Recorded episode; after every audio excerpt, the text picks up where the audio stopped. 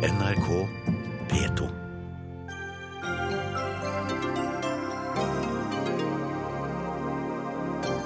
Elbilistene må betale mer, og det blir opp til lokale myndigheter om de får beholde fordelene.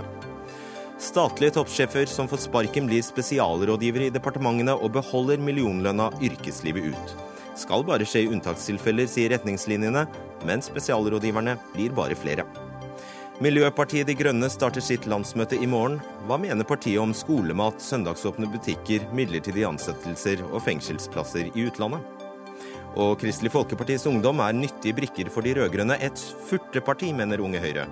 Vi får se hvem som furter mest etter dagens borgerlige ungdomsoppgjør i Dagsnytt 18.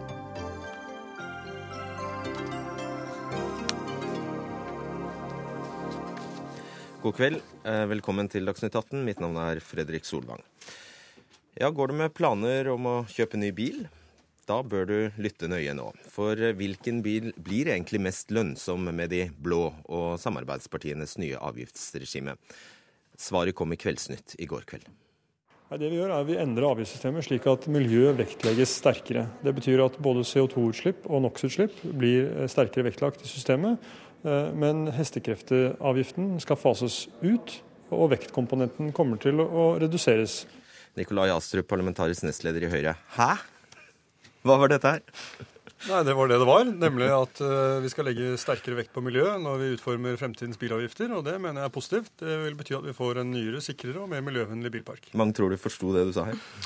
Vel, nå er det slik at Avgiftssystemet består av mange komponenter. og uh, Det var et langt intervju med Kveldsnytt, men de valgte også å ta den mest, den mest kompliserte delen. og Det får stå for deres regning. Forklar. Hva er, det, hva er hovedgrepene? Hovedgrepene er at uh, nettopp det at vi, vi vektlegger miljøet sterkere. Dvs. Si at utslipp blir viktigere når vi skal avgiftsbelegge en bil, enn hestekrefter og vekt, som i dag vektlegges tyngst. Og Det mener vi vil føre til at uh, det lønner seg uh, for folk å kjøpe miljøvennlige biler og at vi får en renere bilpark. I tillegg så kommer vi med en ganske klar og forutsigbar politikk for nullutslippsbiler. Elbiler? Ja, el- og hydrogenbiler. Og, som innebærer at de beholder sitt avgiftsfritak ut 2017 som et minimum. Og at de beholder fritaket for engangsavgift ut 2020. Og så vil vi da vurdere å erstatte merverdiavgiftsfritaket med en tilskuddsordning som over tid kan fases, eller trappes ned i takt med at elbiler blir billigere. Og da, for de som fortsatt er forvirret, hvilken bil vil du anbefale? Vel, nå, er, nå er, som mange vil vite, så kjører jeg elbil. Og anbefaler det varmt av mange årsaker. Men, men den du kjøper, vil bli dyrere? Ja, Nei, unnskyld, den du, den du kjører, Teslaen, den vil bli dyrere? Nei, det har vi jo ikke sagt. Det vi har sagt, er at det kan være aktuelt når vi, og hvis vi erstatter merverdiavgiftsfritaket med en tilskuddsordning og sette et tak på den tilskuddsordningen. Slik at det er en grense for hvor mye støtte du kan få. Og Det mener jeg er viktig, fordi vi skal ha mange fordeler for elbilister.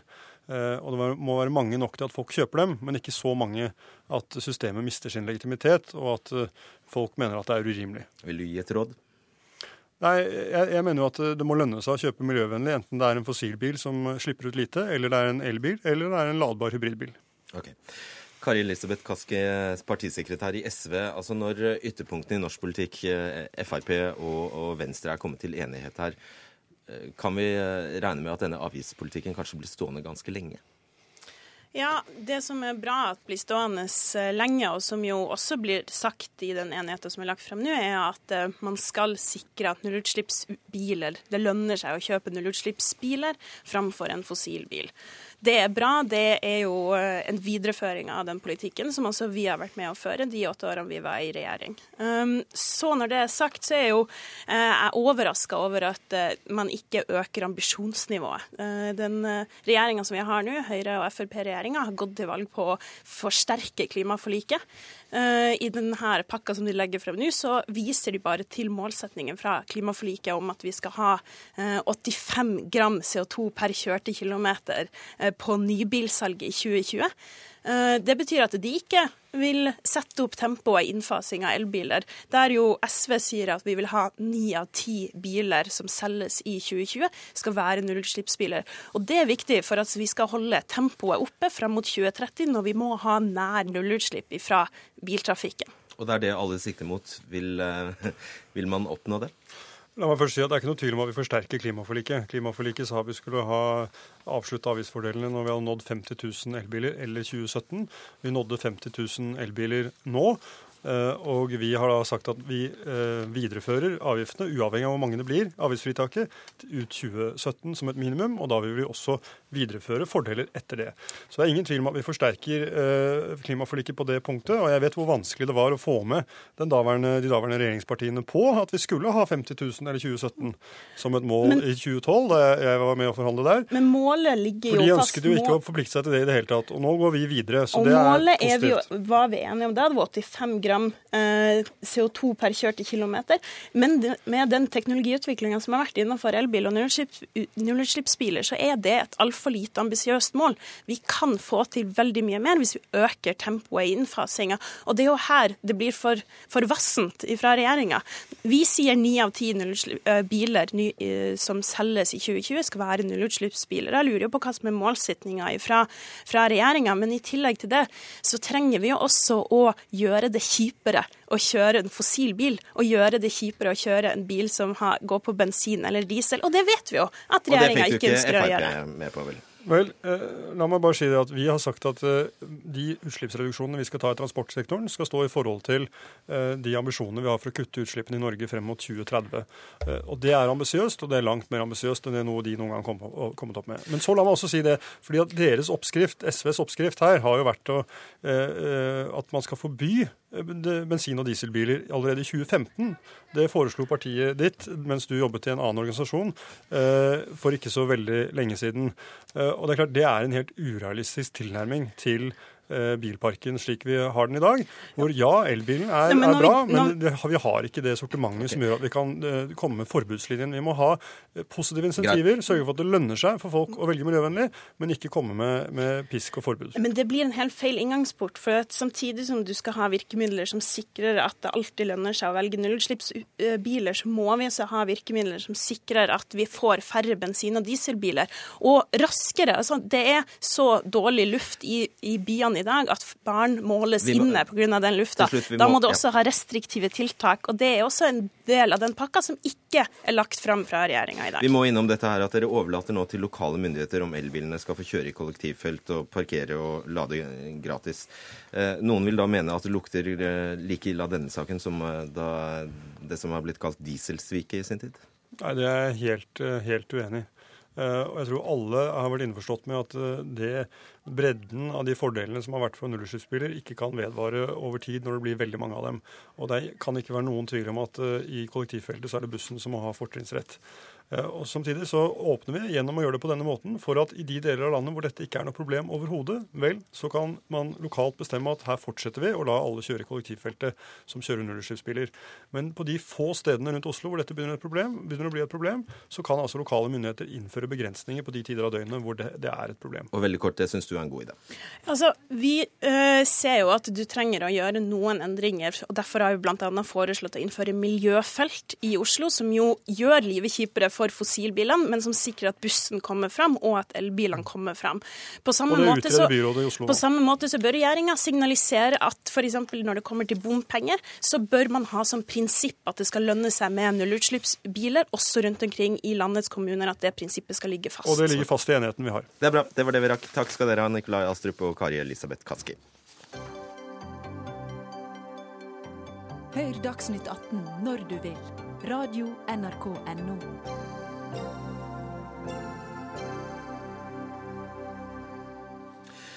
I morgen vil mange store grønne ord falle i Stavanger. Da starter Miljøpartiet De Grønne sitt landsmøte i oljehovedstaden. Og der skal partiet legge grunnlaget for et grønt gjennombrudd i årets kommunevalg. Rasmus Hansson, stortingsrepresentant og talsperson for eh, Miljøpartiet De Grønne. Du er invitert hit for å snakke om andre ting enn klima og miljø. Og hvis du greier det, så skal du få ett spørsmål om eh, miljø på slutten. Er det greit? Det er eh, veldig fint. Flott. Hvilke insentiver vil eh, MDG gi til kommunene for at de skal ta imot flere flyktninger? Vi vil gi midler, statlige midler, som kan dekke i hvert fall betydelige deler av utgiftene. mer enn i dag? Ja, mer enn i dag.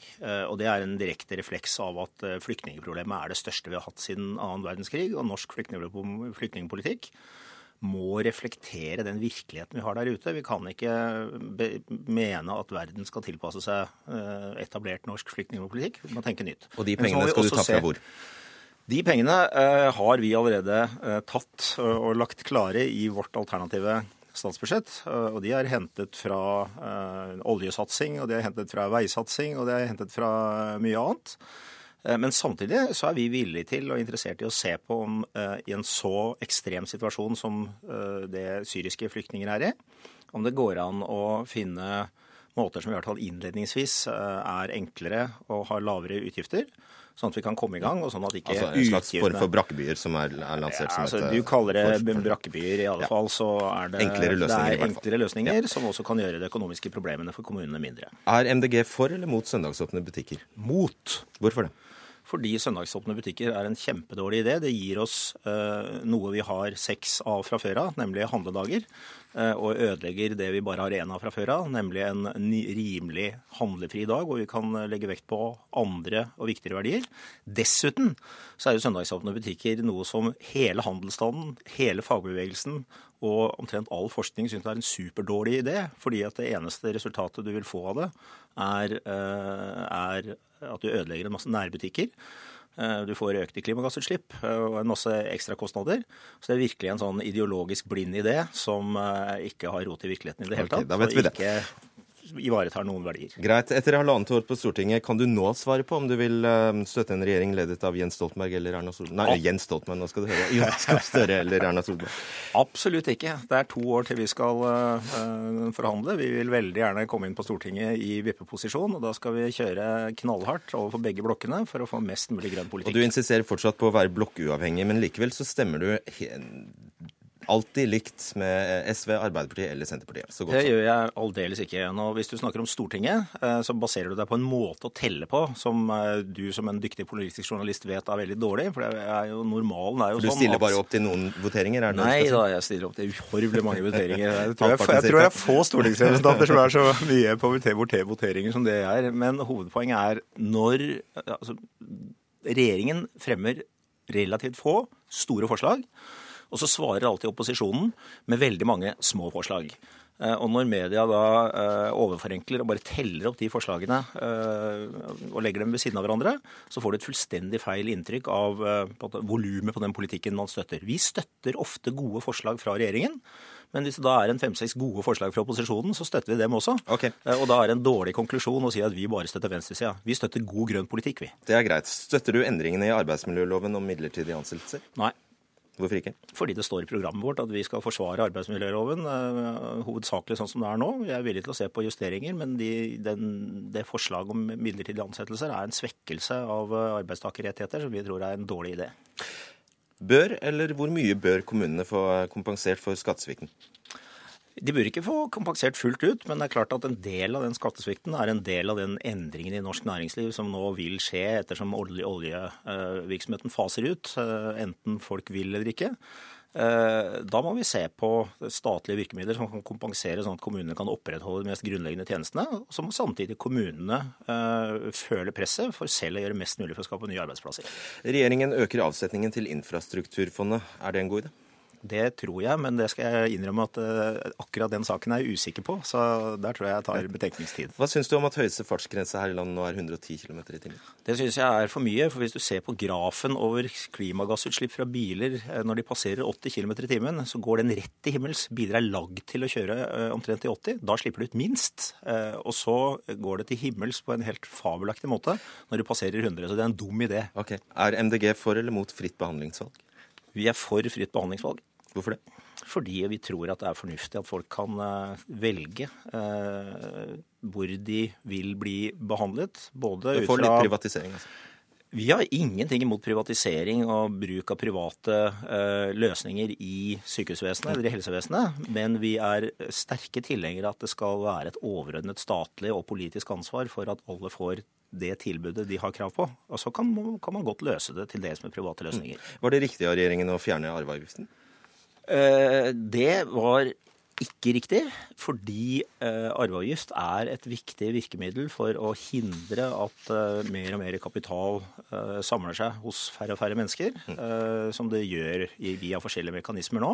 Vi er ikke mot at folk skal ha penger og ha det godt, men vi er opptatt av rettferdig fordeling. og at ikke minst i den overgangsfasen vi er nå, hvor vi skal etablere masse nytt næringsliv, så må vi få kapitalen i flyt. Da må pengene investeres uh, i uh, ordentlig virksomhet, og, ikke, salt, og ikke, saltes ned. Og da er det også en god idé å fortsette kuttingen av eh, formuesskatten, eller? Nei, det tror, vi, det, det tror, vi, ikke er en god idé. fordi det, vil ha, altså, det å beholde formuesskatten det vil altså ha den effekten at man demper opphopinga av formuer. Eh, folk skal ha eh, nok, og folk som har vært flinke skal gjerne få samle seg formuer, men vi skal ha de pengene ut igjen i investeringer og, og, og, nytt næringsliv. Og vi skal ikke ha flere og flere penger på færre og færre hender. Hva syns du om den eh, strategien mot barnefattigdom regjeringen og samarbeidspartiene la fram i går? Den har jeg ikke lest. Hva syns du, Skal det statlige barnevernet legges ned? Nei. Nei. Du skal få et spørsmål om, som handler så vidt om klima og miljø. Så jeg har bestått, altså? Du, ja, ja, ja, ja, Det var fint. Når setter du deg på flyet til Stavanger? Jeg setter meg på toget til Stavanger i morgen tidlig klokka 07.25 etter noen intervjuer og greier. Og en lang reise hjemmefra. Og så får vi en lang, fin eh, togreise med et stappfullt tog med grønne folk. Og så drar vi til tidenes grønne landsmøte. Lykke til med det. Tusen takk skal du ha, Rasmus Hansson. Temaet er fortsatt Miljøpartiet De Grønne, og velkommen til deg, Lars Nehru Sand, vår egen politiske kommentator, og i eh, Bergen Frank Aarbrot, professor i sammenlignende politikk ved Universitetet i eh, Bergen. Du må gjerne bli sittende hvis du vil, Hansson. Eh, vi kan starte med deg, Aarbrot. Er det et problem, eller har det så langt bare vært en fordel for Grønne at de i såpass stor grad framstår som et ensaksparti? Nei, jeg vil si at det har vært en fordel, men vi så jo allerede i valgkampen i forbindelse med stortingsvalget at de ble utfordret på andre saker. Spesielt etter at enkelte lokale kandidater i fylkene hadde kommet med en del uheldige utspill eh, som ikke var koordinert med ledelsen. Og det er klart at det ble jo da Hansson og de andre sentrale politikerne konfrontert med. Så liksom uskylden for partiet var vel over allerede ved forrige kommunevalg. Ved stortingsvalget sist fikk de prøve seg på å bli konfrontert med andre saker. Hvordan syns du han klarte seg her? Er veldig bra. Hansson er en dyktig fyr, syns jeg. Eh, og jeg har jo et, litt sånn søtt minne fra et av de første landsmøtene i partiet De Grønne, der jeg holdt en strategisk tale til dem. Og det var på møtesal Fensal i Bergen. Og jeg har aldri kjent så mye svette soveposer og sure sokker siden jeg lå på flatseng i russeturen til Stavanger. Det var et veldig spesielt eh, landsmøte, må jeg si. Ikke utdyp. Lars Nehru har eh, Rasmus Hansson grunn til å være optimist før helgens uh, Unnskyld, helges høstens valg? Ja, det har han i den forstand at han da eh, kan se MDG-seddelen i rekordmange stemmer avlukker rundt omkring i det ganske land. Eh, det gjør jo at de blir relevant i lokalvalgkampen, men også vil få flere lokale profiler eh, som kan prege partiets politikk i lokalmedia helt frem til 2017. Og Derfor så vil de jo nå for første gang kanskje da bli valgt inn i kommunestyret i hvert eneste fylke, f.eks., og gjøre seg gjeldende for stadig flere nordmenn nordmenn og deres eh, politiske bevissthet. Og Hvordan vil folk merke det at eh, MDG skiller seg fra For det må jo være et poeng at de skiller seg fra Venstre, SV og KrF? Hovedsakelig langs to akser, og det hører vi også Hansson snakke om i, i intervjuet her i Dagsnytt 18, eh, ved den massive vekstkritikken som ligger til grunn for hele eh, MDG sitt eh, program. Det at de ser på økonomisk vekst ikke som et ønske, at de vil bekjempe det både på forbruk, lønn, konsum, offentlig og privat, gjør de til et helt annet parti enn de tradisjonelle miljøpartiene i, i den norske partifloraen. Det er også derfor man kan si at det har tatt tid for et grønt parti å etablere seg i Norge sammenlignet med en del europeiske land. At vi har hatt mange partier som har ivaretatt miljø, naturvern, eh, men ikke vært så vekstkritiske. Og så er MDG alene om å ville skru igjen oljekrana så raskt som de ønsker. Og Aarbrot, når eh, folk forstår konsekvensene av det, hvor stort potensial har da Miljøpartiet De Grønne? Ja, de vil jo alltid forandre seg som parti. De vil også forandre seg når de får større oppslutning. Men jeg er jo helt enig med Lars Nehru Sand sin analyse av at de vil komme styrket ut. Og de har gjort en fornuftig strategi. Komme inn i de store byene ved forrige kommunevalg. Få stortingsrepresentant til dette valget, stille maksimalt med lister ved dette valget og håpe å få en stortingsgruppe med neste stortingsvalg. Dette er en veldig fornuftig strategi. Men nå glemte jeg spørsmålet ditt. Kan du gjenta det? Altså Spørsmålet mitt var altså med en eh, så, såpass radikal antivekstfilosofi som Miljøpartiet De Grønne har, eh, som kanskje ikke er, eh, er, er ja, helt Ja. gått opp for folk, da. hvor stort potensial har de egentlig? Jeg har lyst til å ta et, en analogi fra partihistorien. Kristelig Folkeparti var et ekte barn av Indremisjonen. Eh, Og eh, man kan jo si at når Kristelig Folkeparti skulle vokse, så kunne ikke de fortsette å være et rent talerør for Indremisjonen. Sånn er det med forholdet mellom De grønne og fremtiden i våre hender. Hvis De grønne klistrer seg for langt opp til fremtiden i våre henders budskap som eneste miljøbudskap, så vil deres vekst bli begrenset. Men ettersom partiet vokser, så vil vi jo se at de antagelig vil søke bredere allianser. Men dermed kommer jo også i fare for å bli mindre forskjellig fra SV og Venstre, f.eks. Og Men dette du- blir dilemmaet fremover. Nettopp. Og hvis du skulle se ut i Europa, hvordan eh, klarer Hva hva har skjedd med lignende partier? Ja, altså de, de grønne partiene i Europa har jo vært samarbeidspartnere med venstresiden. Det gjelder jo både i Sverige og i, eh, og i, i Tyskland, der du har hatt den mest omfattende regjeringserfaringen. Det var riktignok i, i Belgia og Frankrike noe tilbøyelighet til å ha noe ekologist som samarbeidet med høyresiden, men de ble splittet ganske tidlig. Og du har fått en slags høyreøkologisk og en venstreøkologisk bevegelse i de landene. Så tradisjonelt så har de grønne partiene, når det kom til stykket, samarbeidet med venstresiden. Lars eh, Nehru Sand, hvor lenge kan MDG insistere på at de er blokka uavhengige? Det kan det jo frem til de må velge en maktkonstellasjon der hvor det skulle bli eh, aktuelt, enten det er på Stortinget eller en av de, de store byene. Når, når vi hører han sånn nå, så ser vi jo at han, og vi får tro han på det, vil kunne samarbeide maktpolitisk med begge blokker, sier han. Eh, Sentrum kan jo være, som i Bondevik I, en, en selvstendig blokk i, i norsk politikk i noen gitte tilfeller. Men det er klart, når vi hører hans politiske resonnement, så ser vi at han ikke er låst dogmatisk til eh, verken rød eller blå på den tradisjonelle høyre-venstre-skalaen. Vi hører han både vil gjeninnføre arveavgiften, men han, han er mot heldagsskole, f.eks. Så, så han passer ikke inn da verken i, i Arbeiderpartiet eller Høyres eh, kjernebudskap. Ja. Aarbrot, hvem Eller er det som- fascinerende. Eller fascinerende. Alt ettersom. Aarbrot, hvem er det som stemmer på MDG? Nei, altså det er jo eh, Noe av problemet det at de fisker jo altså Det første vil jo alltid komme nye velgere til i valg som ikke har vært der før. Nemlig førstegangsvelgerne. Og de er jo, de er jo fritt vilt for alle, for å si det sånn. Men ut av de velgerne som allerede har stemmerett, så er jo det slik at De grønne fisker i den samme andedammen av, eh, av velgere som eh, Venstre og Senterpartiet, Kristelig Folkeparti og selvfølgelig SV har fisket i årevis når det gjelder eh, liksom sentrumsorienterte miljøvelgere. Det er en andedam og et antall velgere som sitter miljø, i hvert fall hvis du tenker på i sånn miljøkonservativ forstand à la fremtiden i våre hender, så er det en relativt konstant gruppe velgere. Men du kan ikke si at de ødelegger nødvendigvis for de andre partiene, for det er jo også slik at det hele tiden kommer til nye velgere i form av førstegangsvelgere. Slik at uh, denne gruppen kan jo vokse. Men uh, det begynner å bli veldig mange rundt den lille dammen nå i forhold til sperregrensen på 4 Sand til slutt eh, og kort. eh, Ja, nå skal de erobre kommunene, men hvor går veien videre fra dette landsmøtet til 2017? På veien dit skal de lage et nytt partiprogram. De skal i mye større grad enn til nå finne seg selv og, og, og kanskje gå mer pragmatiske skritt i møte med, den, med det programmet, eh, særlig på finanspolitikken. Eh, Og de får bedre trening i å lage alternative budsjett og prioritere. Det er kanskje det som eh, særpreger dagens program eh, mest, at, at man ikke har prioritert maksimalt. Eh, Og så er de fortsatt et parti i støpeskjeen rent kulturelt, men har eh, store, store ja, muligheter til å vokse frem mot 2017, og som Aarebrot sier, få en stortingsgruppe på mer enn én person. Ja, så er det vel også slik at de må bli like flinke til å konsekvensutrede utenfor miljøpolitikken som de har vært i miljøpolitikken.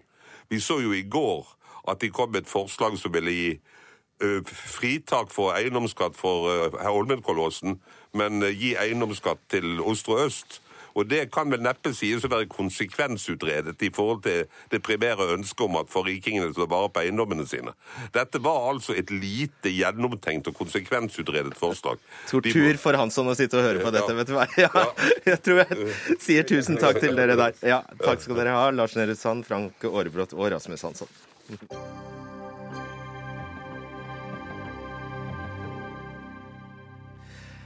Da Nav-sjef Joakim Lystad plutselig fikk sparken av arbeids- og sosialminister Robert Eriksson, måtte han ikke akkurat gå på Nav for å finne seg en ny jobb.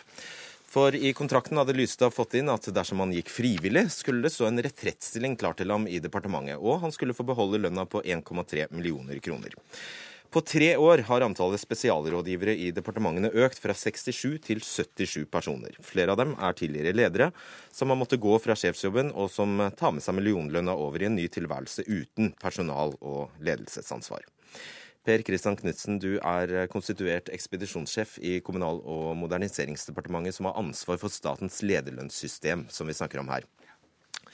Joakim Lystad hadde altså en standardkontrakt for åremål i staten, og det er derfor vi kan snakke generelt med utgangspunkt i hans kontrakt. Topplederne i staten har et sterkt stillingsvern gjennom uh, tjenestemannsloven. Så hvordan er det mulig for en statsråd å gi en etatssjef sparken på dagen?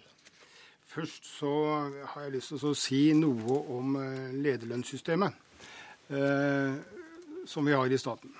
Og det er slik at eh, dette systemet eh, er ett av la oss si, to system, hvor eh, det andre systemet er hovedtariffavtalen. Hovedtariffavtalen i staten er inngått mellom eh, vårt departement og hovedsammenslutningene, og omfatter 150 000 ansatte. Lederlønnssystemet omfatter 300 personer.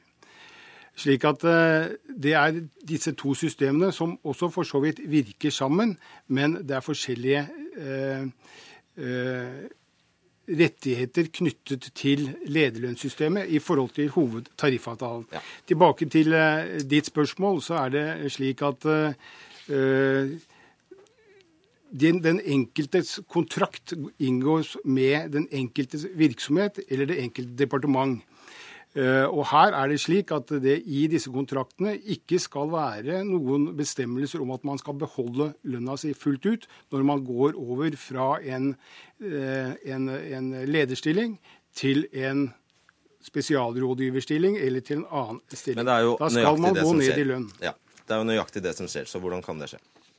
Ja, jeg mener at det ikke skjer. Det er slik at når man går fra en lederstilling, så er det altså, Det var nøyaktig det, det som skjedde i Lystad. Så hvis du tvinger nei, meg til å snakke om Lystad, så gjør jeg gjerne det. Men, ja, jeg vil ikke kommentere ja, Det var det som skjedde i hans tilfelle. Ja, jeg vil ikke kommentere Lystad spesielt. Nei. Men en lederkontrakt er delt i tre. Det er, en, det er kategori, og det er delkategori, og det er også det som kalles prestasjonsdelen. Ja, men hvis du benekter at det, det, skjer, så må jeg bare vise til Lystads egen kontrakt. Der nøyaktig det skjedde. Han beholdt altså lederlønna med unntak av et personlig tillegg på 200 000 kroner. Med unntak av et personlig tillegg på 200 000 kroner, så beholdt ja, det, det han lønna. Ja. Så da spør jeg, hvordan kan det skje? Det kan skje ved at man i staten er veldig opptatt av å få tak i god kompetanse. Det lederlønnssystemet vi har, er, har to formål, kan vi si. Det ene formålet er å sikre at staten kan beholde dyktige medarbeidere, dyktige ledere. Det andre formålet er også å kunne rekruttere i konkurranse med det øvrige arbeidslivet. Så det er bare sånn dere, staten kan få tak i gode ledere ved å tilby dem en retrettstilling, og at de får beholde lønna? Det er det, det du sier? Nei, jeg tror ikke det.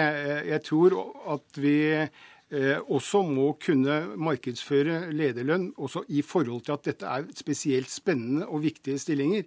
Jeg tror ikke det er sånn at eh, søkere til disse typer stillinger kun går etter lønn.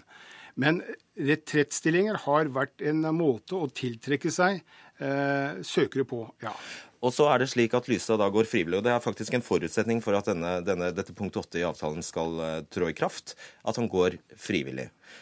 Uh, alle skjønte at han ikke gikk frivillig, så da er det jo staten som går foran i en anvisning om, av, om å egentlig lyve, da. Nei, det, det, kan jeg ikke skjønne at du kan si. Og jeg har veldig lite lyst til å gå inn i Lystad-saken spesielt. Men hvorfor er det en forutsetning? Hvorfor skal det stå en retrettstilling ledig til et, en person som går helt frivillig? Hva er logikken bak det? Det kan være som følge av en minnelig løsning, nå snakker jeg helt generelt. Eh, hvis man er på en åremålskontrakt, og det er i åremålssettinger dette er eh, aktuelt. Hvis det er slik at man ønsker å fratre midt i åremålsperioden, Eh, så kan det være slik at man kommer fram til en avtale, arbeidsgiver, arbeidstaker, mm. ja, om en minnelig løsning. Ja, Hva er logikken bak det? Logikken er hvis dette ikke fungerer på en eh, optimal måte, dette arbeidsforholdet, så kan man da komme ut av dette arbeidsforholdet uh, ved et forlik. Dette er ikke uvanlig i, i, norsk arbeidsliv. Det gjelder helt generelt. Da får man gjerne en engangssum, og så sier man takk og farvel. Her får man da en stilling resten av yrkeslivet. Hvis det er slik at man har en retrettstilling, eh, som du sikter til her nå, og gjerne til en spesialrådgiverstilling, så er det gjort ut ifra at man her ser på denne kompetansen vedkommende har, som svært verdifull for staten. Derfor har, har man også hatt det i enkelte kontrakter, fordi at man ønsker at denne type stillinger skal kunne, kunne benyttes i ulike departement. Vårt eget departement eh, tilsatte to spesialrådgivere mm. rett etter 22.07. Dette er eh, folk som gjør en svært viktig jobb for departementet i forhold til sikkerhet. Ja, Dere har sju spesialrådgivere. Ja. Eh, hvorfor øker antallet spesialrådgivere? Eh, det er vanskelig å si, men det som er tilfellet, er at den enkelte virksomhet, den enkelte departement har selv ansvaret for hva slags type stilling de vil ha i departementet. Om det er eh, visst antall seniorrådgivere, eh, direktører eller hva slags type stillinger det er snakk om, det må det enkelte departement ta og, og holde orden på. Eh, det legger ikke Kommunal- og moderniseringsdepartementet Men det er retningslinjene sier at man skal være påholden med å utstede slike, slike hjemler? Ja, vi er eh, enige at eh, vi, og det, vi tenker på det nå når vi er i en vurdering av et nytt lederlønnssystem at vi skal prøve det vi kan å begrense antallet retrettstillinger. Og vi skal være veldig tydelige på at den lønna som du har som leder, den skal ned. Og da er det litt rart du, at det øker når, med Når, når du mm. går over til en annen type stilling. Ja. Men spesialrådgiverstillingen er bare én type stilling. Du kan også gå over, eh, ha en retrettstilling som overingeniør eller en annen type. Ja. Det er litt rart at antallet da øker, vil kanskje noen kunne si. Ja. Det er altså en Frp-statsråd som sist utnevnte en tidligere toppleder til spesialrådgiver. Er dette god eh, Frp-politikk, eh, stortingsrepresentant Gjermund Hagesæter fra Frp? Det er jo god eh, Frp-politikk å følge opp de avtalene som er inngått, men jeg syns ikke det er greit at denne type avtaler blir inngått. Fordi det er klart det at Hvis man har en lederstilling og man har et personellansvar, så har man også betalt for de jobbene og hvis man da, de oppgavene. Og hvis man da blir tilsatt i en mer tilbaketrykket stilling, der man ikke har et lederansvar og ikke har personalansvar, så er det klart at da er det urimelig at man skal ha samme lønn. Da er det helt rimelig at man skal gå ned i lønn. Så dette er noe som vi er nødt til å se på, og det skjønner jeg også at Kommunaldepartementet holder på med å gå gjennom lederlønnssystemet, eh, slik at eh, man unngår dette for eh, framtiden. Martin Kolberg, stortingsrepresentant for Arbeiderpartiet. Eh, en god del av begrunnelsen for så høye lønninger som vi snakker om her, opp til en halvannen million kroner, er jo nettopp at disse topplederne tar på seg en stor risiko, og at de kan måtte gå opp på dagen. Når det står en retrettstilling klar til dem, så tar de jo ingen risiko. Nei, Hvis det er sånn 100 og uh, tilsynelatende er det jo sånn, fordi det er jo veldig mange som Det er 77 av dem. Uh, ja, det er 77 av dem. Men det kan jo være stillinger, det kan jo være personer som også ikke går inn i disse stillingene. Jeg har ikke full oversikt over det. Uh, men jeg forstår veldig godt hva som blir sagt fra departementets side her om at det er veldig viktig for staten å konkurrere om gode folk. Fordi at det er en, det er en veldig viktig side, og jeg er veldig opptatt av, og tror jeg Hagesæter er også, at vi har gode ledere i staten. Men vi finnes litt for mange eksempler, vil jeg si, på at de ikke kan fungere lenger i den stillingen som de har er satt til, og dermed går over i en annen stilling og beholder lønna. Og Nå hører jeg veldig tydelig at departementet sier at her er det nødvendig å gjennomgå øh, dette øh, grundig, og det får vi feste lit til, vil jeg si. Men så er det viktig også å si at Det som også er Mange av disse er jo åremål. Sant? Ikke alle, men noen av dem er åremål. Og det å ha et veldig strengt åremål, det tror jeg vil være en veldig god ting. Altså at man praktiserer det veldig strengt og ikke firer noe på det. Det vil være en god dynamikk eh, for utviklingen innenfor denne delen av statsforvaltningen. Og dessuten vil jeg legge til at jeg annonserer ikke det, men det kan være grunn til at vi også ser på lovgivningen her. Tjenestemannsloven. Ja, men jeg annonserer det ikke. Jeg er veldig nøye med å nyansere, nei, nyansere meg på det. Men jeg tror at en gjennomgang fra departementets side bør også eventuelt omfatte en gjennomgang av tjenestemannsloven. Det ville være fint, for da kunne Stortinget ta standpunkt til eventuelle forandringer på det området. Og det har faktisk statsråd Sanner allerede annonsert, at eh, tjenestemannsloven skal eh, gjennomgås. Eh, Hagesæter, er det ekstra ille at dette skjer i staten? Ja, det syns jeg. Det er ekstra ille at dette skjer i staten. Av at det som staten gjør, er det mange som følger med på. Slik at dette gir et uheldig signal til andre offentlige instanser, og også til private bedrifter. Slik at hvis man har da eh, ordninger som er urimelige og blir oppfatta som urimelige, eh, så vil ikke det bare være et problem for staten, det vil også være et problem for andre instanser, pga. at man ser etter staten, og man ser på det at ok, hvis man gjør det slik i staten, så må det være greit at vi andre også gjør det på denne måten. Så, så, så dette er veldig uheldig. Andre plasser, private bedrifter, så har man jo ofte en, en sluttpakke, man har en etter, etterlønn og sånne ting.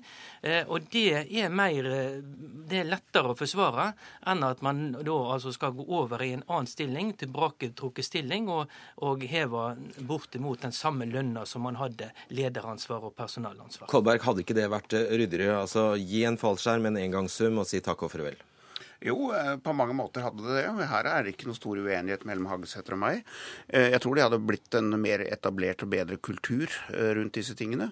For det er jo, jeg, håper, jeg skal bruke det litt hverdagslige uttrykket, at det kan jo ved mange anledninger være en ærlig sak at du ikke lenger greide å gjøre jobben din. Og da bør du bli tatt vare på. Det mener jeg også. Men på en annen side er det slik at hvis det er åpenbart at du har forsømt deg i stillingen din, så er det veldig rart hvis du går da inn i en veldig ty- trygg og annen god stilling. Da må vi vet. andre gå på Nav, vet du. Eh, Ja, det er vel så. eh, Men, men det, det er der det blir veldig urimelig. Og det er veldig rart og veldig vanskelig å forstå.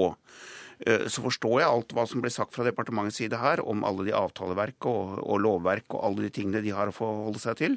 Og det vil jeg uttrykke respekt for. Men dog er det slik at dette virker urimelig. og Balansen i det er ikke bra i dag. Hagesæter, Frp er jo partiet for eh, folk flest. Det er helt korrekt. Ikke sant. Og disse spesialrådgiverne synliggjør jo da at vi har et sjikt i Norge som beveger seg der oppe, og som faktisk aldri faller, fordi de alltid har noe trygt å falle tilbake på. Eh, skal vi ha det sånn i det vi kaller et egalitært Norge? Ja, Nei, jeg syns ikke vi skal ha det sånn. Jeg syns dette er noe som vi må ta tak i og rydde opp i. Og dette er jo et system som vi har overtatt fra forrige regjering, og som vi nå ser på også i forhold til dette med tjenestemannsloven osv. Men, men som jeg sa, så tror jeg dette gir veldig uheldige signaler utad. Eh, Det gir uheldige signaler til, til andre, altså offentlige instanser og til private, men det gir også uheldige signaler nedover eh, blant de andre som er tilsatte i staten i underordna stillinger. Så, så dette er noe vi er nødt til å se på, og dette er nød, noe som vi er nødt til å, å, å gjøre noe med. Kolberg, skal jeg løse det, altså, du skal ikke få hele ansvaret for hele ordningen, for dette er jo nesten en etterlevning fra eh, embetsmannsstaten. Ja, dette er tilbake til nesten til 1814. Uh, jo, men det er helt alvorlig talt. Det høres rart ut, men det er faktisk helt tilbake til 1814. Og Grunnloven og embetsmennenes eh, evne til å klare å beskytte seg på det tidspunktet. Og nå har norsk embetsverk, som er både bra og har gjort veldig mye bra for Norge, og gjør veldig mye bra for Norge, men vi har et utslag her som jeg er glad for at eh, vi på politikersida og departementets eh, embetsfolk sier at vi skal håndtere, og det skal vi gjøre for framtida. Der setter vi punktum. Takk skal dere ha, Per Kristian Knutsen, Gjermund Hagesæter og Martin Kolberg.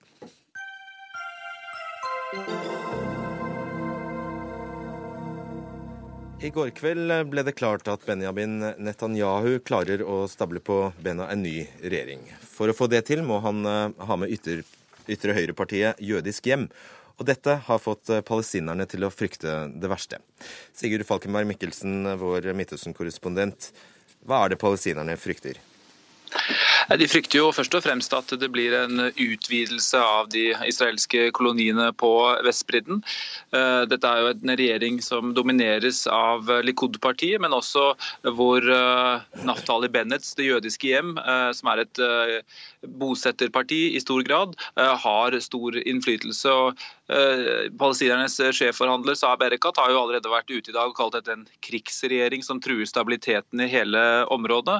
Og allerede etter Netanyahu ble gjenvalgt i mars, så sa de jo at ikke de hadde noen eh, partner for eh, fred. Men samtidig så tror jeg nok vi vil se at eh, det praktiske samarbeidet som foregår på sikkerhetssiden f.eks. mellom palestinere og israelere blant de palestinske selvstyremyndighetene, vil fortsette. Forklar litt, Hvilke partier er det, og det er jo et veldig marginalt flertall han har skapt seg her, da. Hvilke partier er det han har satt sammen? Altså det han har eh, klart å gjøre, er å sette sammen da først og fremst de eh, ultraortodokse religiøse partiene.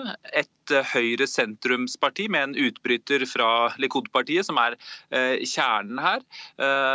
De er, altså Likud-partiet har 30 representanter i Knesset. Også da måtte han ha Naftali Bennett og det jødiske IM inn i regjeringen. Det var nok planen hele tiden, men ikke at de skulle komme på i en så tydelig vippeposisjon som de gjorde til slutt.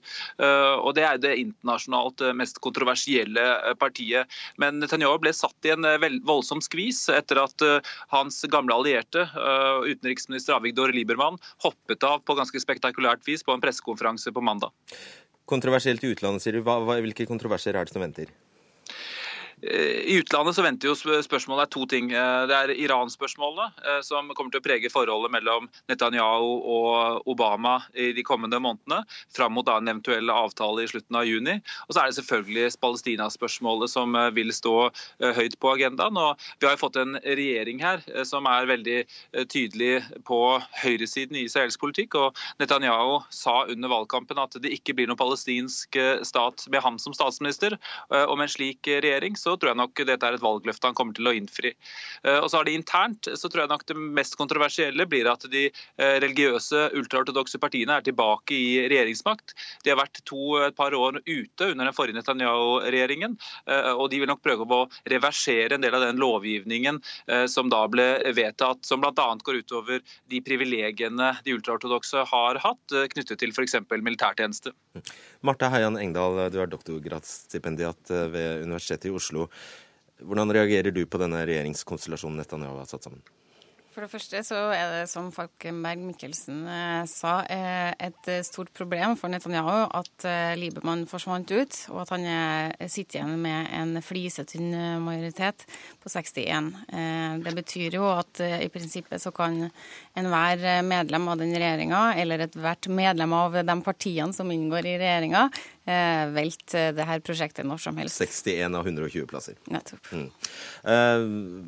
Hvordan står da Hva er sitsen for Netanyahu etter valget?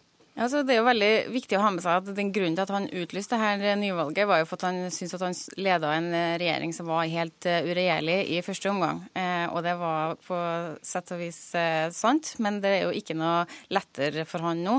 Og det, sitter, det er ikke noe komfortabelt eh, rom for han. Og det var en, eh, en av israelsk avis som hadde en tegning i dag av en Netanyahu på knær, oppskrapa og forslått og blodig på vei til døra til til presidenten.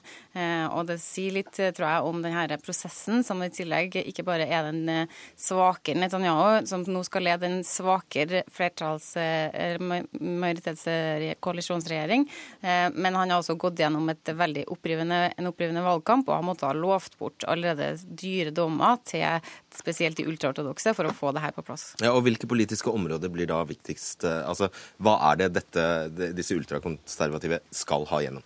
Ja, Blant annet så har de greid å forhandle seg fram til at de skal f.eks. ha økte barnebidrag, som eh, hvis vi tenker på den størrelsen man har på en barneflokk, en gjennomsnittlig ultraortodoks familie, som ligger et sted mellom seks og sju eh, barn per familie, så er det betydelige eh, summer. I tillegg så er det økt økte budsjett til de ultraortodokse utdanningsinstitusjonene. Eh, og så vil de selvfølgelig gjøre det de kan for at eh, de skal tilbakevise denne loven om at de ultraortodokse også må avtjene verneplikt i den israelske hæren, som er et stort stridsspørsmål i israelsk samfunn, der man føler at det er enormt urettferdig at de ikke skal være med på det prosjektet som den folkehæren IDF er. Sigurd, hva er alternativet hvis denne koalisjonen ryker? Det er ikke godt å si. Altså, det spekuleres jo i israelsk presse allerede eh, om en eventuell samlingsregjering, om man vil klare å, klare å lokke opposisjonsleder Isak Herzog og den Arbeiderpartidominerte sionistunionen inn i regjering. Det er ikke noe tvil om at Netanyahu nok kunne tenke seg i hvert fall ett parti til inn. Men om han får til det, er noe annet. For det er mye vondt blod eh, mellom partilederne. og Det har vært en eh, veldig spisse og kraftige reaksjoner og mange personmotsetninger som også gjorde at den forrige regjeringen eh, sprakk. Så jeg får f.eks. også vanskelig for å se for meg sentrums, et sentrumsparti som uh, Yeshadid, partiet til Yair Lapid f.eks., gå inn i en sånn regjering. Mm. Til slutt, Heian Engdahl, og, eh, har Netanyahu skutt seg i foten? da? Altså, det som er I tillegg til at han har de her enorme utfordringene på hjemmebane, der det er såpass eh, laber oppslutning om han eh, Tross alt er det tre fjerdedeler av det israelske folket som ikke ville ha Netanyahu som statsminister. Eh, men det andre er jo, som er et, kanskje et større utfordring, er at med å lokke alle de velgerne til seg fra høyresida som han gjorde, som gjorde riktignok mm. vant valget for han, gjorde han jo foran øynene på et internasjonalt ja. korps som står og venter nå på å se hvordan hvordan denne regjeringa skal oppføre seg, bl.a. i spørsmålet om eh, fredsprosessen. Det blir spennende å se. Marte Heian Engdahl og Sigurd Falkenberg Mikkelsen, takk skal dere ha. Dagsnytt 18 alle hverdager klokka 18.00 på NRK P2 og NRK2.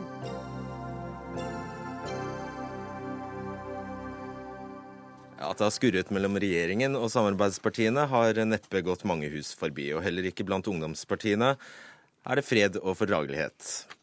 Stemningen ble ikke bedre etter at lederen for Kristelig Folkepartis Ungdom sa at 10 000 eh, kvoteflyktninger fra Syria er viktigere enn at regjeringen blir sittende, for her har de det ingenting å gå på, sa han.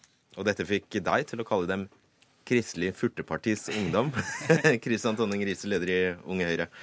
Eh, det er jo veldig furtete av deg. Ja, altså, nå, nå, har jeg, jeg har jo ofte inntatt litt sånn rollen som frihetsmegler og sånn på disse samtalene her, så jeg ser jo at jeg kanskje gikk litt sånn bort fra den uh, rollen i går. Men, uh, men, jeg hadde jo behov for å si fra om, uh, om det oppslaget fra KrFU, som jeg syns var litt lite, lite konstruktivt. Jeg syns det er viktig å si at jeg har jo ikke noen intensjon eller ønske om å skulle diktere hva KrFU skal jobbe for på KrFs landsmøte. Det skal de selvfølgelig eh, bestemme helt selv. Men det som jeg syns er lite konstruktivt, det er å gå ut sånn og, og stille ultimatum og si at eh, dette er viktigere enn regjeringen. Her har, vi, her har vi ingenting å gå på.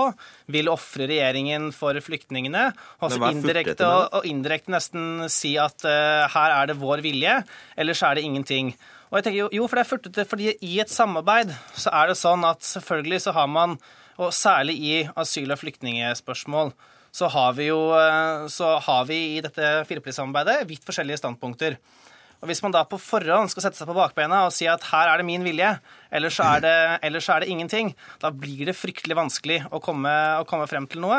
Og jeg ønsker jo at vi skal komme fra til et godt kompromiss. Og det som da er litt sånn synd, er at jeg er jo Jeg tror jo at på mange områder her så kunne jeg Even vært enig om veldig mye. Og jeg ønsker jo at vi skal kunne stå sammen og f.eks. presse regjeringen til å gi enda mer humanitær støtte, men det er litt vanskelig når premisset er at hvis ikke vi får alt som vi vil ha, så er det liksom, da kan det bare være med regjeringen. Ok, Bare husk på det at dere er fire stykker som skal komme til ordet her i løpet av de neste ti minuttene. Emil André Erstad, du er altså leder i Kristelig Folkepartis Ungdom. Hva syns du om å bli kalt furteparti? Nei, altså eh, det, det, skal ikke vi diskutere så veldig mye, tror jeg. Det, det som er saken Det er derfor dere er her. Ja, altså, vi er fordi vi har kommet med politisk budskap, eh, og vårt politiske budskap er at 10 eh, 000 kvoteflyktninger fra Syria og tredobling av bistand til nærområdene, det er den viktigste politiske saken for KrFU akkurat nå. Det er kanskje den viktigste politiske saken denne, denne stortingsperioden òg.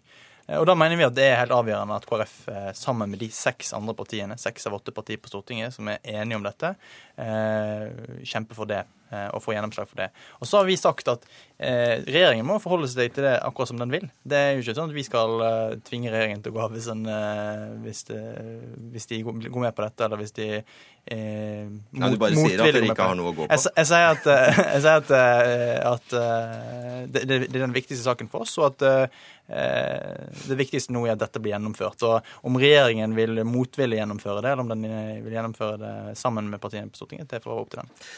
Atle Simonsen, eh, leder i FPU, Fremskrittspartiets Ungdom. På bloggen din skriver du at eh, KrFU-lederen ønsker at regjeringen skal gå, eh, og det er omtrent like overraskende som at eh, sola sto opp i dag. Hva mener du med det? Nei, Jeg mener vel at uh, Erstad har vært eh, ganske kritisk til regjeringen helt siden han eh, tok over ledervervet.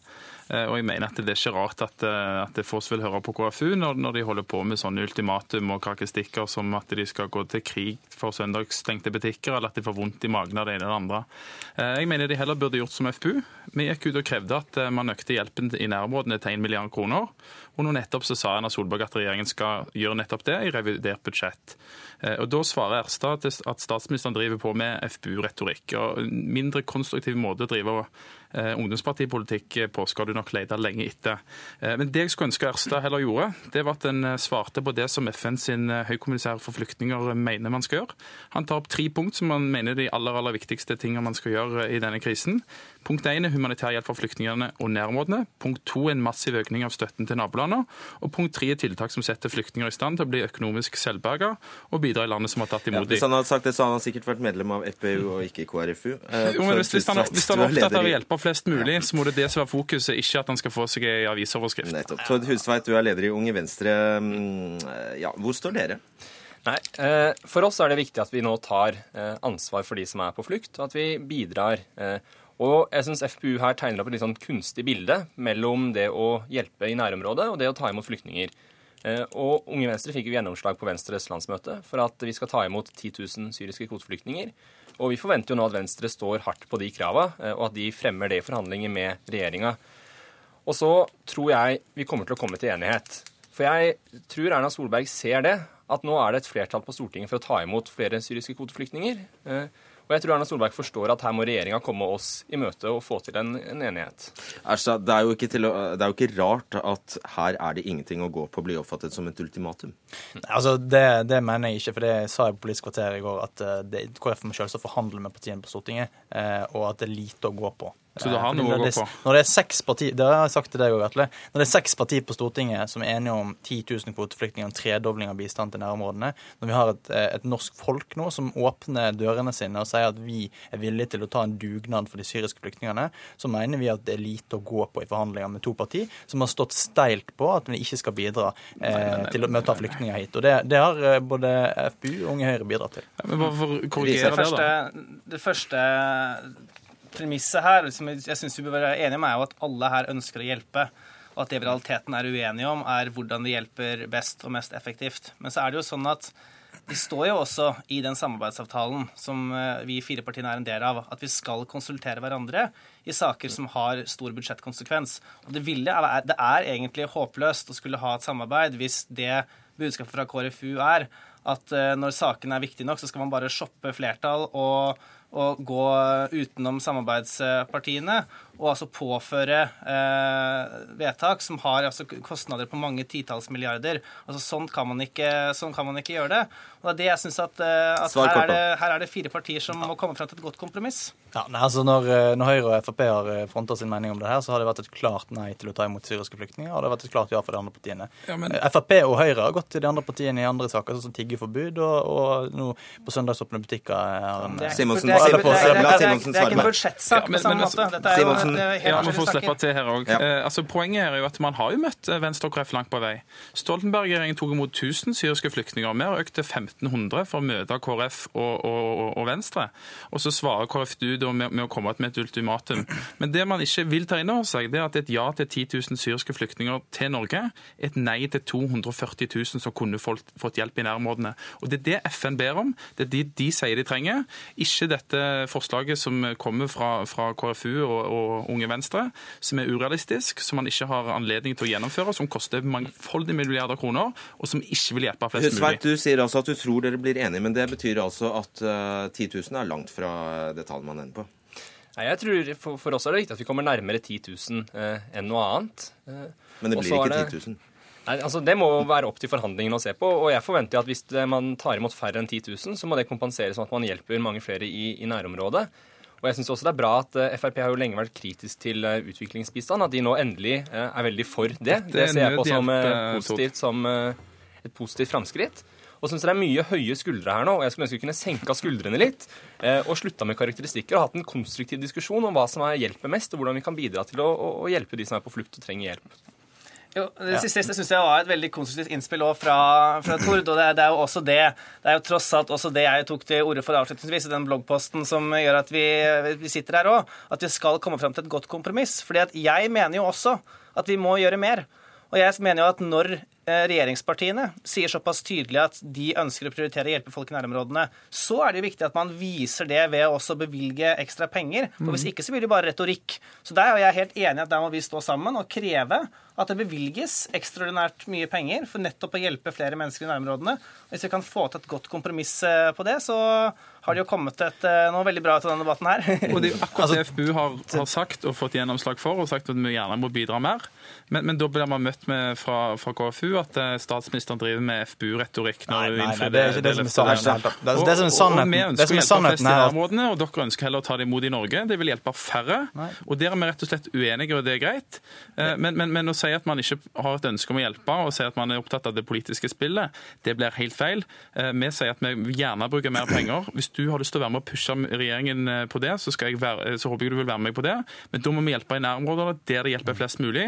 For, for jeg kan jo bare tenke hva de 190 000 som vil stående igjen i Syria, vil tenke hvis vi gjør et politisk vedtak om å ta imot 10 000 her i Norge, framfor å hjelpe flest mulig, akkurat som okay, FN. Det er ingenting som utelukker at vi kan gjøre begge deler, Atle Simonsen. Og, og, det mener jeg vi skal gjøre. Jeg mener vi skal presse stortingsflertallet og regjeringa på, på, å gjøre det. Og jeg er åpen for at KrF kan få til ting i forhandlinger, men da bør det være nærmest mulig 10 000 kvoteflyktninger fra Syria og, og, en tredobling av bistand. Og det er mulig å gjøre. Italia nå de har bidratt til å redde 150 000 mennesker fra drukningsdøden i Middelhavet. Italia satte seg ikke ned og så om de hadde nok penger i statskassen eller nok eh, plasser på asylmottakene. De bidro til å redde medmennesker fordi medmennesker lider. Og Det mener jeg det vi skal gjøre nå òg.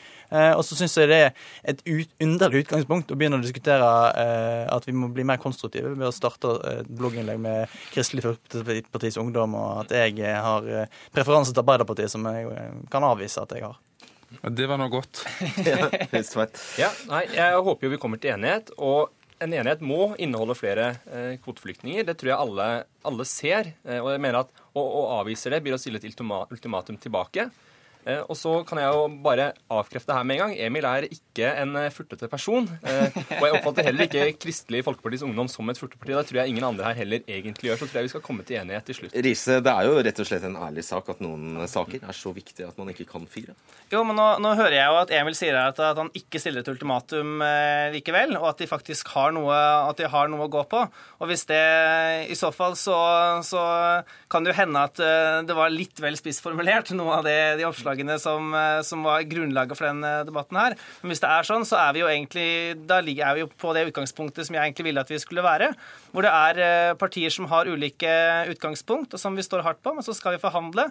Og så tror jeg at vi klarer å komme fram til et godt kompromiss som alle kan leve med. Som antakelig vil innebære at vi tar imot noen flere flyktninger enn det regjeringen legger opp til nå, men at det også må men kompenseres med et betydelig mer humanitær hjelp, fordi vi ikke tar imot så mange som det KrF og Venstre vil. Hvordan, regjeringa legger opp til om de vil ta imot eh, hvis det blir flertall for 10 000 kvoteflyktninger eller noe i nærheten, det, det skal ikke jeg blande meg inn i. og Det har vært mitt budskap hele veien. at Regjeringa må sjøl håndtere det. Hvis regjeringa sier at det kan den ikke, da vil den gå av, så har jeg sagt at det er viktigere at vi tar imot 10 000 kvoteflyktninger. Det har vært mitt budskap hele veien, og det er fortsatt budskapet. Men, men, det blir helt feil å si at ikke har gitt noe. For, fordi dette handler ikke om Dere feirer som en seier at det, at det ble tatt ut 500 flere mm. syriske flyktninger i fjor enn året før. Og Det var en seier som dere fikk, og som man ble enige om. Et steg på veien, ja. Og, og, Da kan man ikke komme og si at man ikke vil gjøre noen ting. Men hvis man skal bruke mer penger på dette, noe jeg mener vi bør gjøre, så må vi hjelpe flest mulig, og da må vi gjøre det i nærområdene. Det kommer du ikke vekk ifra. Altså, det her kan ikke være et politisk spill. Nå handler det om å redde menneskeliv. Og da ser vi at Arbeiderpartiet går inn for 10 000 kvoteflyktninger. Da brøt det et jerntriangel i norsk flyktning- og asylpolitikk. Eh, Og da mener vi at det danner åpninger for nye flertall i det spørsmålet. Og da må regjeringa òg innse at når seks av åtte partier på Stortinget er enige om noe, da har vi en ganske god forhandlingsposisjon eh, foran forhandlinger. Er han fortsatt furtete? Ja eller nei? Er han fortsatt furtete? Nei, nei? Nå syns jeg og Emil har vært svært konstruktiv i denne debatten her. Så jeg, nå syns jeg vi har et godt utgangspunkt for å komme fram til et bra vedtak. Bra. Ansvarlig for denne sendingen var Hege Holm, teknisk ansvarlig Hanne Lunås, og jeg heter Fredrik Solvang. Hør flere podkaster på nrk.no podkast.